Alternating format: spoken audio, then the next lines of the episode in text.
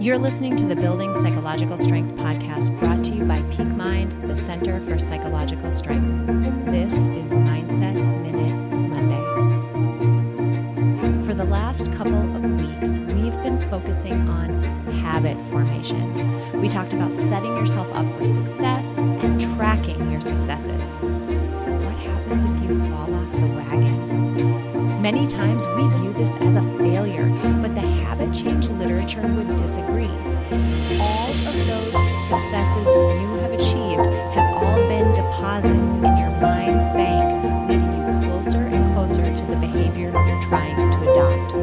If you slip up, don't worry about it. Start again. Know that your hard work has been impacting your mind, and eventually your slip ups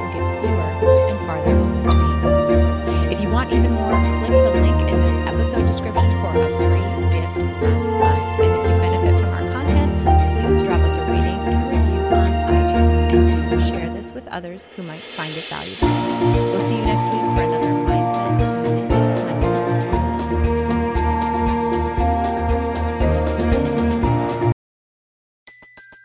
Everybody in your crew identifies as either Big Mac Burger, McNuggets, or McCrispy Sandwich. But you're the filet fish Sandwich all day. That crispy fish, that savory tartar sauce, that melty cheese, that pillowy bun. Yeah, you get it.